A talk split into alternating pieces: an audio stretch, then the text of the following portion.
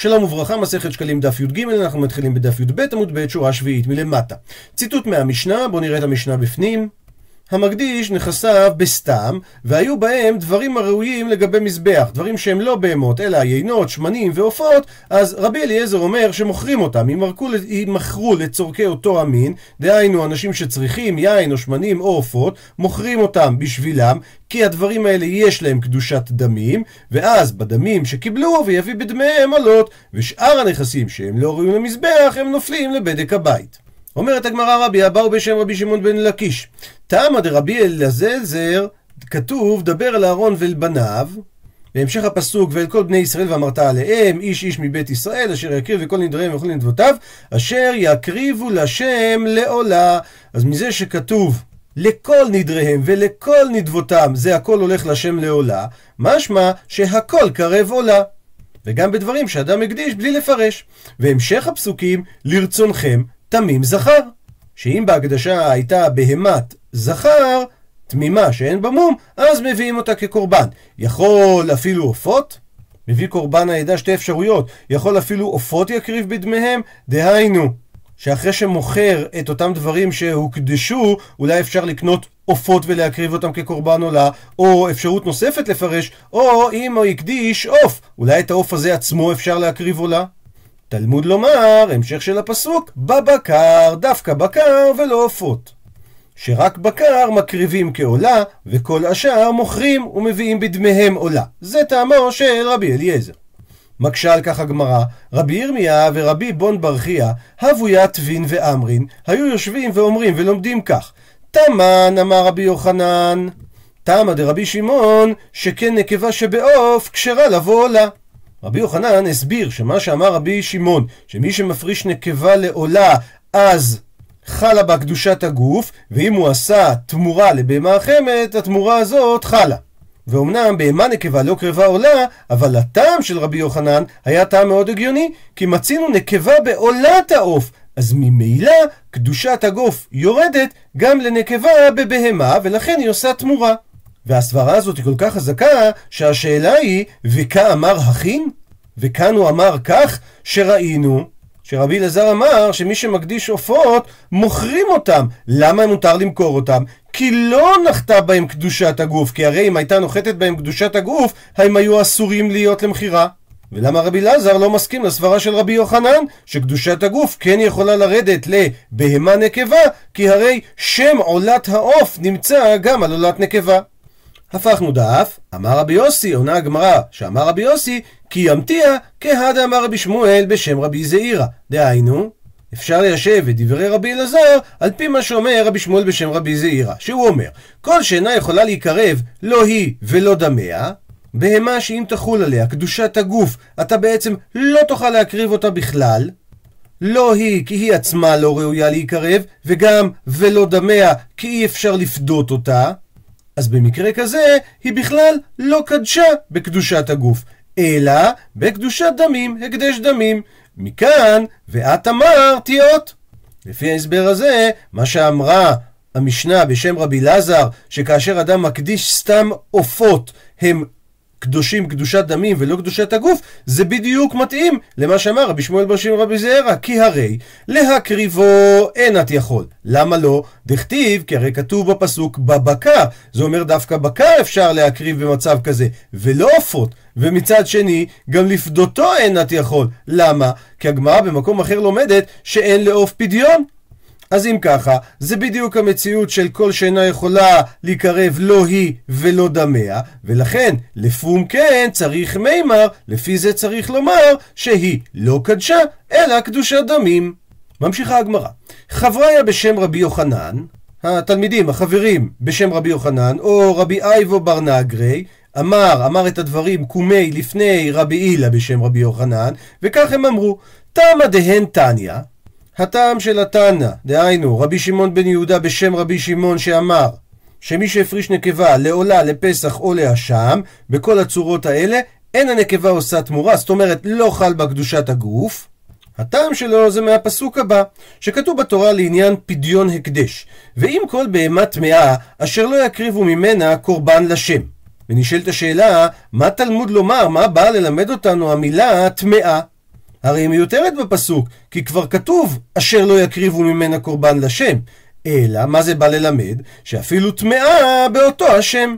דהיינו, לא בהמה טמאה לא טהורה, אלא אפילו בהמה טהורה, אלא שלא קרא עליו שם קורבן הראוי לו.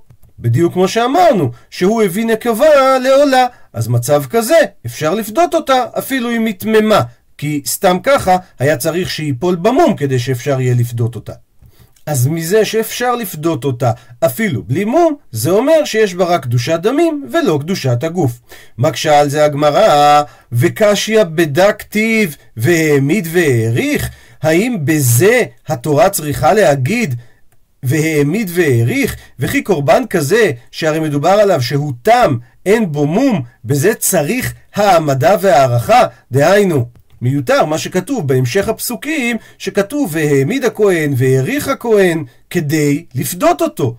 אבל אם אנחנו לומדים שמדובר על בהמה שבכלל אין בה קדושת גוף, אז ממה נפשך? לא צריך בכלל העמדה והערכה, כי או שהוא לא קדוש כלל, או שהוא עצמו יכול להיקרב למזבח. וכך דוחה הגמרא את הניסיון להסביר את טעמו של רבי שמעון בן יהודה בשם רבי שמעון. ממשיכה הגמרא, רבי זרע בשם רבי אלעזר לא אמר כן, הוא לא אמר ככה, אלא בדיוק הפוך, אלא כתוב ואם כל בהמה טמאה אשר לא יקריבו ממנה קורבן לשם. למד מזה, כל שאינה ראוי להיקרב, לא כאן ולא במקום אחר. ואת זה הוא לומד מזה שהמילה קורבן היא מיותרת. אפשר היה לכתוב אשר לא יקריבו ממנה לשם. מזה שכתוב שלא יקריבו ממנה קורבן, זה אומר שמדובר בבהמה כזאת שהוא לא ראויה להיקרב בכלל, והיא אינו עושה תמורה. אבל יצאת נקבה לעולה, שאף על פי שאינה ראויה להיקרב כאן, אבל היא כן ראויה, ראוי להיקרב במקום אחר. כי אמנם מנקבה לא ראוי לעולה בבהמות, אבל הוא כן ראוי לעולה בעופות, וממילא קדושת הגוף כן חלה במקרה כזה. והפועל היוצא של זה שהיא גם עושה תמורה. מקשים רבי אבון ורבי בון באון הקשו קומי רב זיירא לפני רבי זיירא, הרי הרובע והנרבע שאינם ראויים להיקרב לא כאן ולא במקום אחר, והרי הדין הוא שהרי הם כן עושים תמורה. רובע זה בהמה שרבע אדם, נרבע זה בהמה שאדם רבע. והתורה פסלה אותם לגמרי מלבוא למזבח. ובכל זאת הדין הוא שאם אדם כן הקדיש אותם לקורבן, חלה בהם קדושת הגוף, וממילא הם עושים תמורה. ואילו לפי ההסבר שאנחנו אמרנו עכשיו, דבר שלא ראוי להיקרב לא כאן ולא במקום אחר, אינו עושה תמורה. אמר לון, ענה להם, רבי זעירא, אף אני לא אמרתי, אלא טמאה ממש. דהיינו, מה שרבי זרע למד מהפסוק ועם כל בהמה טמאה אשר לא יקריבו ממנה קורבן להשם, הוא לא התכוון על כל שאינה ראויה להיקרב, כל בהמה באשר היא, אפילו רובע ונרבה, אלא בהמשך ללשון הפסוק שדיבר על בהמה טמאה, אותו דבר, כל מין כזה שלא מקריבים אותו בשום מקום. אז הוא לא עושה תמורה, וממילא עדיין קיים הלימוד שיצא נקבה לעולה, שאף על פי שאינה ראויה להיקרב כאן, היא כן ראויה להיקרב במקום אחר, כעולת העוף. אבל לא מקבלת הגמרא את התירוץ הזה ומקשה, וקשיא, האם בדה כתיב והעמיד והעריך? האם בזה התורה צריכה לכתוב והעמיד והעריך? כי לא ייתכן להעמיד שהפסוק מדבר על בהמה טמאה ממש, כי הרי את זה יש בפסוקים אחרים, כמו למשל בויקרא כ"ז כ"ז שכתוב ואם בבהמה הטמאה ופדה. וממילא נדחה גם ההסבר הזה של רבי זעירא. הלכה היא אומרת המשנה, אחת לשלושים יום משערים את הלשכה הכוונה שהגזברים של הלשכה היו נותנים שיעור למחיר של היינות והשננים והסלטות כדי שהשער יהיה קבוע לשלושים יום הקרובים ואז לוקחים בהם הגזברים מה שצריכים באותו הסכום שפסקו. והסוחרים, הספקים, חייבים לתת להם לפי הסכום הזה. ואם נתייקר המקח אין מוסיפים דמים. ואם מוזל המקח אז כן לוקחים לפי הזול. הוא מפרט את המשנה שהספק שמקבל עליו לספק סלטות מארבע שכמות של ארבע שאים נמכרת בסלע, אבל אז הייתה התייקרות ועמדו משלוש, דהיינו ששלוש שאים נמכרים בסלע, עדיין הוא יספק לפי ההתחייבות הראשונה שלו, מדלת. אבל במקרה ההפוך, שהוא התחייב לספק כשהשער היה משלוש שאים בסלע, ואז הייתה הוזלה, ועמדו מדלת שאים בסלע, אז הוא יספק לפי השער הזול, דהיינו מדלת בסלע, שיד הקדש על העליונה. זאת אומרת שההקדש אף פעם לא מפסיד. אם התייקרו אינו מפסיד ההקדש, כי אני אומר שהמעות קונות, כדכתיב ונתן הכסף וקם לו, והעסקה כבר בוצעה בתחילת החודש. ומצד שני, אם הם הוזלו, אז אין ההפסד להקדש. למה? כי אז אנחנו אומרים שאינה קונה, אלא המשיכה בפועל של הסחורה. התנודות במחירים הם דבר טבעי, זה כמו מדד המחירים לצרכן בישראל, שהלשכה המרכזית לסטטיסטיקה משווה סל מוצרים קבוע מדי חודש בחודשו, ולפי זה רואים את התנודות במחירי השוק. ממשיכה המשנה, אם התליע סולת, התליע לו, ואם החמיץ יין, החמיץ לו. אינו מקבל מעותיו, עד שיהיה המזבח מרצה. דהיינו, אפילו אם הגזבר של ההקדש משך את הסחורה וכבר נתן את המעות, עדיין האחריות של הסחורה על החנווני, והוא לא מקבל מעותיו, כלומר, הם לא נחשבים שלו, עד שהמזבח ירצה. דהיינו, שזה יעלה על המזבח בפועל, ולכן אם התליע הסולת או החמיץ היין, תמיד האחריות על החנווני.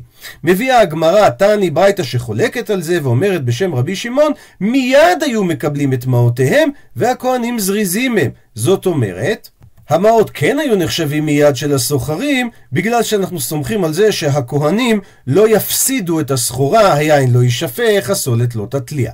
הדרן הלך, פרק התרומה, אנחנו מתחילים את פרק חמישי. אומרת המשנה, אלו הן הממונים שהיו במקדש, חמישה עשר שמות של בעלי תפקיד. יוחנן בן פנחס, הוא היה ממונה על החותמות.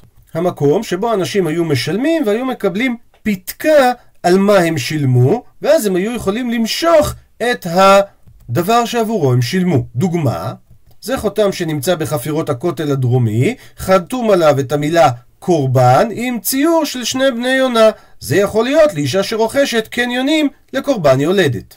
כמובן שהחותם נמצא בצד שמאל ובצד ימין זה רק פריסה גרפית של מה שמסומן עליו. אחיה הוא היה אחראי על הנסחים, לתת את היין, השמן והסולת למי שהיה צריך להביא נסכים והביא לו את החותם. מתיה בן שמואל הוא היה אחראי על הפייסות, דהיינו הוא היה אחראי על הגורל, מי יזכה מהכהנים באיזה עבודה. פתחיה היה אחראי על הקינים, דהיינו עבור אותם מחוסרי כפרה, כגון זב, זבה ויולדת שהם מבינים קיני חובה שזה תורים ובני יונה, אז הם היו נותנים את המעות שלהם לשופרות, דהיינו לאותם קופות שהיו במקדש, הממונים על השופרות היו לוקחים את הכסף משם ומביאים בהם קינים. אז היה צריך מישהו שהוא חכם גדול ובקיא, כמו שהגמרא תסביר בהמשך. וכמו שכתוב במסכת אבות, קינים ופתחי נידה הן הן גופי הלכות, דהיינו צריך בשבילם חוכמה גדולה. ואומרת המשנה שפתחיה זהו מרדכי, אותו אחד מפורים. ולמה נקרא שמו פתחיה? שהיה פותח דברים ודורשם, ויודע בשבעים לשון. ממשיכה המשנה, בן אחיה, הוא היה אחראי על חולה מיין. הגמרא תפרש את זה בהמשך. נחוניה היה חופר שיחין, דהיינו היה בקיא לחפור את השיחים, והוא היה ממונה לחפור כדי שיהיו מים מצויים לעולי הרגלים. גביני הוא היה הכרוז, הגמרא תסביר מה הוא הכריז. בן גבר הוא היה אחראי על נעילת השערים בערב ולפתוח אותם בבוקר. בן בוואי היה ממונה על הפקיע, או שזה פתילות המנורה כמו שהגמרא תסביר בהמשך, או לפי הבבלי, הוא היה אחראי על השוט להעיר את הכהנים שנרדמו בלילה.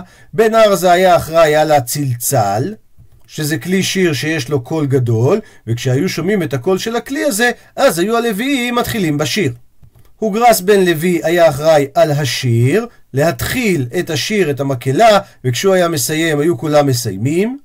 ובית גרמו היו אחראים על מעשה לחם הפנים, כמו שכבר ראינו, בית אבטינס היו אחראים על מעשה הקטורת, כמו שראינו, ואלעזר הוא היה ממונה על הפרוכת.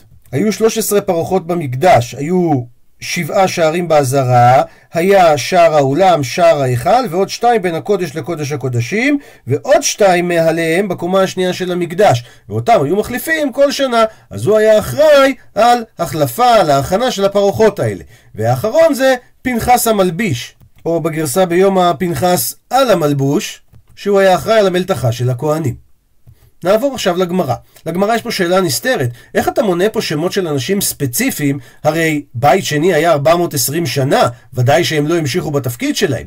מביאה על כך הגמרא שני הסברים. רבי חזקיה אמר רבי סימון ורבנן. חד אמר, כשרי דור ודור בא למנות עליהם. אז מדובר על אותם המובחרים שהיו בימי בית שני, וחרנה אמר, והדעה השנייה אומרת, מי שהיה באותו דור מנה מה שבדורו. זאת אומרת שהרשימה של השמות האלה זה כשעלו ישראל מן הגולה, מנו את מי שהיו אז, זה לא כל הממונים שהיו בזמן הבית. הפכנו דף. בהמשך למה שאמרנו שמדובר על האנשים הכי טובים שהיו בתפקידים האלה במשך בית שני, מביאה הגמרא פסוק לשבחו של רבי עקיבא. אמר רבי יונה, כתיב, כתוב בספר ישעיה, לכן אחלק לו ברבים, ואת עצומים יחלק שלל. דורש רבי יונה שהפסוק הזה מדבר על זה רבי עקיבא, שהתקין מדרש ההלכות והאגדות. ויש אומרים שאת אלו, את ההלכות והאגדות, לא רבי עקיבא תיקן, אלא אנשי כנסת הגדולה תיקנו. אלא מה תיקן זה, מה תיקן רבי עקיבא? קללות ופרטות. אפשרות אחת להסביר זה מידות שהתורה נדרשת בהם כלל ופרט. התקלין חדיתין מסביר שרבי עקיבא דרש כללים ופרטים, כללים כמו כלל אמר רבי עקיבא, כן? ואהבת לך כמוך זה כלל גלבול התורה, כל הדברים האלה. או הלכות ופרטות שהוא היה דורש על כל קוץ וקוץ תילי תילים של הלכות. באותיות שבספר התורה יש סימונים, תגים שנמצאים על האותיות ואותם הוא היה דורש. ומסביר התקלין חדיתין שרבי עקיבא היה דורש דווקא את התגים האלה בגלל מעניין שהיה בן גרים. מצאתי על כך הסבר של הרב שרקי שאומר, זה שרבי עקיבא היה בן גרים, היה לזה גם השלכה מעשית שלא מינו אותו לנשיא, אבל הוא יכול היה לגלות דברים שמשה רבנו לא גילה. עם ישראל ירד למצרים למ"ט שערי טומאה. הם לא הגיעו לשער החמישים ששייך למצרים ולאומות העולם, וכאשר הם עלו משערי הטומאה, הם הגיעו עד ל-49 שערי בינה. משה רבנו שקול כנגד של כל ישראל, הוא זכה למ"ט שערי בינה, הוא לא זכה לשער החמישים. רבי עקיבא שהוא בן גרים, הוא בא בשורשו מהשער החמישים. ולכן הוא מגלה את אותם דברים שרמוזים בתגי האותיות, שאת זה משה רבנו לא גילה. זו תמונה של מערת התנא הקדוש, רבי עקיבא בן יוסף, שנמצאת בטבריה. ממשיכה הגמרא, אמר רבי אבאו, כתוב בדברי הימים, משפחת סופרים יושבי יבץ. מה תלמוד לומר סופרים? למה נתנו להם את התואר סופרים? אלא שעשו את התורה ספורות ספורות. דוגמה, חמישה לא יתרומו תרומה, חמישה דברים חייבים בחלה, חמש עשרה נשים פותרות צרותיהם, שלושים ושש כריתות בתורה, שלוש עשרה דבר נאמרו בנבלת העוף הטהור, ארבעה אבות נזיקים, אבות מלאכות, ארבעים חסר אחת. מסביר התקלין חדיתין שהדוגמאות האלה הן מכוונות, הן לא משום סימנה בעלמא, כי אז היה מספיק להביא שתיים או שלוש דוגמאות. אלא בעצם יש פה דוגמאות מזמן נקט, מכל ששת הסדרים, מתחילים בסדר הראשון, שזה זרעים, ואז עוברים לפי סדר המספרים. 5, 5, 15, 36. אחרי המספר 36 סומכים בין קודשים לטהרות, לכן עוברים ל-13. ולפני שמגיעים למספר הגבוה שהוא 40 אבות, סומכים לפני זה את אבות הנזיקים ל-40 חסר אחת, שזה האבות של המספר הגבוה. ממשיכה הגמרא. אמר רבי אליעזר, כתיב לעזרא הכהן הסופר. מה תלמוד לומר סופר?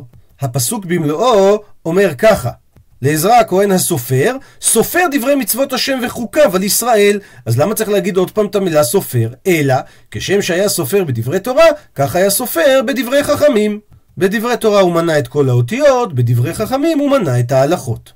אומר רבי חגי בשם רבי שמואל בר נחמן, הראשונים חרשו וזרעו, ניקשו, כיסחו, עדרו, קצרו, אמרו, דשו, זרו, בררו, טחנו והרקידו, לשו, כתפו ואפו, כל 15 המלאכות שנצרכות כדי להכין פת, אבל ואנו, אין לנו מה לאכול. יש כאלה שגורסים אין לנו פה לאכול. אותה משמעות. למרות כל מה שהם העבירו לנו בדברי תורה, אנחנו לא מצליחים להבין את דבריהם. וגם רבי אבא בר זמינה בשם רבי זעירא אמר, אין הבון קדמין מלאכין, אם הראשונים היו כמלאכים, אנן בני אנש, אנחנו בני אדם. ואין הבון, ואם הראשונים היו בני אנש, אנן, אנחנו נחשבים כמו חמרין. ועל זה אמר רבי מנה, בהאיש עתה, באותו זמן אמרין, אפילו כחמרתי, אפילו כמו החמור של רבי פנחס ביאיר, לא הדמינו, אנחנו לא נדמים. ועכשיו אנחנו מביאים פה סיפור, כה עשו חכמינו מפורש. חמרתי דרבי פנחס בן יאיר, האתון של רבי פנחס בן יאיר, גנבתה ליסטי בלילה. גנבו אותה ליסטים בלילה. עבדת תמירה, החביאו אותה אצלם, גבון, תלת היומי, ולא טעמה כלום, אבל היא לא אוכלת שום דבר. אז בתר תלת היומין, אם לחון נמלכו בדעתם מחזרת להחזיר אותה. למה? כי אמרי אמרו הליסטים אחד לשני, הפקינון מנהכה, בוא נעיף אותה מפה, דלא תימות גבן, שלא תמות אצלנו. היא גם תסריח, גם יכולים למצוא אותנו. אפוקנה, אז העיפו אותה ממקום המסתור שלהם, אז לת, אז היא הלכה, וקמת לה על תרעא דמרא. הגיעה לשער של האדון שלה, של רבי פנחס בן יאיר. שריית מנהקת, ואז היא התחילה לנעור. אמר לו, שומע אותה רבי פנחס בן יאיר, ואומר לחבר'ה שלו, פיתחון להדה עלובתא, תפתחו לעלובה הזאת את השער, דאית לה שיש לה תלת יומין שלושים יום דלא טעמה כלום. אז אין פתחי לה, פתחו לה את השער, ועל התלווין נכנסה. אמר לון, אמר להם, יהבו לה כלום, תיכול. תנו לה משהו שהיא תאכל. יהבון קום השעורים, נתנו לפניה שעורים, ולא בית למאכל, והיא לא רצתה לאכול. אמרין לי, אז חוזרים אליו לרבי ואומרים לו, רבי, לא בית למיכל, היא לא רוצה לאכול. אמר לון, אז הוא אומר להם, מתקנין אינון, האם הם מתוקנים לאכילה? אמרו לי, אם, כן. אמר לון, שואל אותם רבי פנחס בן יאיר, וארמיתון דמיין, האם גם הפרשתם מזה אפילו שזה דמאי? אמרו לי, אמרו לו, לא. כן אלפון רבי, הרי אתה לימדת אותנו, הלוקח זרע לבהמה, או קמח לאורות, או שמן לאור, דהיינו שזה לא מיועד למאכל אדם, פטור מן הדמאי, אז הבאנו לדמאי זה יותר זול. אמר לו, אז הוא אומר להם, מה נאבד לה להדה עלובתא? מה נעשה לאתון העלובה הזאת? דהי מחמרה על גרמרה סגין, שהיא מחמירה על עצמה הרבה, ולכן, וארי מנדמיאן, תרימו מזה, תפרישו את הדמאי, ואכלת, ואז היא אכלה מזה. ציטוט מהמשנה שפתחיה היה אחראי על הכנין. אומרת הגמרא בואו ראה מה גדול הוא כוחו של אותו האיש, פותח דברים ודורשן. ומפרטת את זה הגמרא. שאמרנו שמרדכי היה יודע בשבעים לשון. תני אומרת הברייתא סנהדרין שיש בה שניים שהם יכולים לדבר בשבעים לשון וכל השאר וכולם ראויים לשמוע, הרי זו ראויה לסנהדרין, זה סנהדרין בדוחק. ואם יש שם שלושה שיכולים לדבר וכל השאר לשמוע, אז כבר הרי זו סנהדרין בינונית. ואם יש שם ארבעה שיכולים לדבר והשאר לשמוע, הרי זו סנהדרין שנקראת חכמה. וביבנה ששם ישבה הסנהדרין, היו בה ארבעה שיכולים לדבר שבעים לשון, בן עזאי ובן זומא ובן חכינאי ורבי אליעזר בן מתיה. מביא עכשיו הגמרא שלושה סיפורים על חוכמתו של אותו פתחיה. אמר רב חיסדא, פעם אחת יבשה ארץ ישראל ולא ידעו מהיכן להביא עומר. והווה תמן והיה שם חד אילם, אדם אילם, דאבי יאיב שהוא היה נותן חד ידי על גגות וחד ידי על צריפים. הוא רמז להם, הוא שם יד אחת על צריפים, יד אחת על גגות, והם לא הבינו מה הוא רוצה. אייתוני, אז הביאו אותו קמי דפייתך לפני פתחיה, אמר להו, שואל אותם פתחיה, אית אתר, האם יש מקום דמתקריה שנקרא גגות צריפין או צריפין גגות? כנראה לזה הוא רומז. אז לין לתמן ואשכחן באמת הלכו למקום כזה ומצאו משם להביא את העומר. מקרה שני, אמר רבי יוסה ברבי בון, פעם אחת שוב היה בצורת כזאת, נשדף כל העולם כולו, ולא היו יודעים היכן להביא עומר. והווה תמן והיה שם חד אילם, דהווה, ואיך הוא רמז להם? יאיב ידי על עיני וידה על סוחרא. הוא שם יד אחת על העין ויד שנייה על הסוחר של הדלת, החור שנמצא במזוזת הדלת, איפה ששמים את הבריח כדי לנעול את הדלת. והם לא הבינו מה הוא רוצה. אייטוני הביאו אותו לגבי פתחיה. אמר לו, שאל אותם, האם אית אתר, האם יש מקום דמתקריה שהוא נקרא אין סוחר או סוחר אין? ובאמת, אזלון תמן ואשכחון, הלכו לשם ומצאו משם להביא עומר. מקרה שלישי, שלוש נשים הביאו את קיניהם, וכל אחת אמרה מילה אחרת. אחת אמרה, אומרת לעינתי, אחת אומרת לימתי, ואחת אומרת לזיבתי.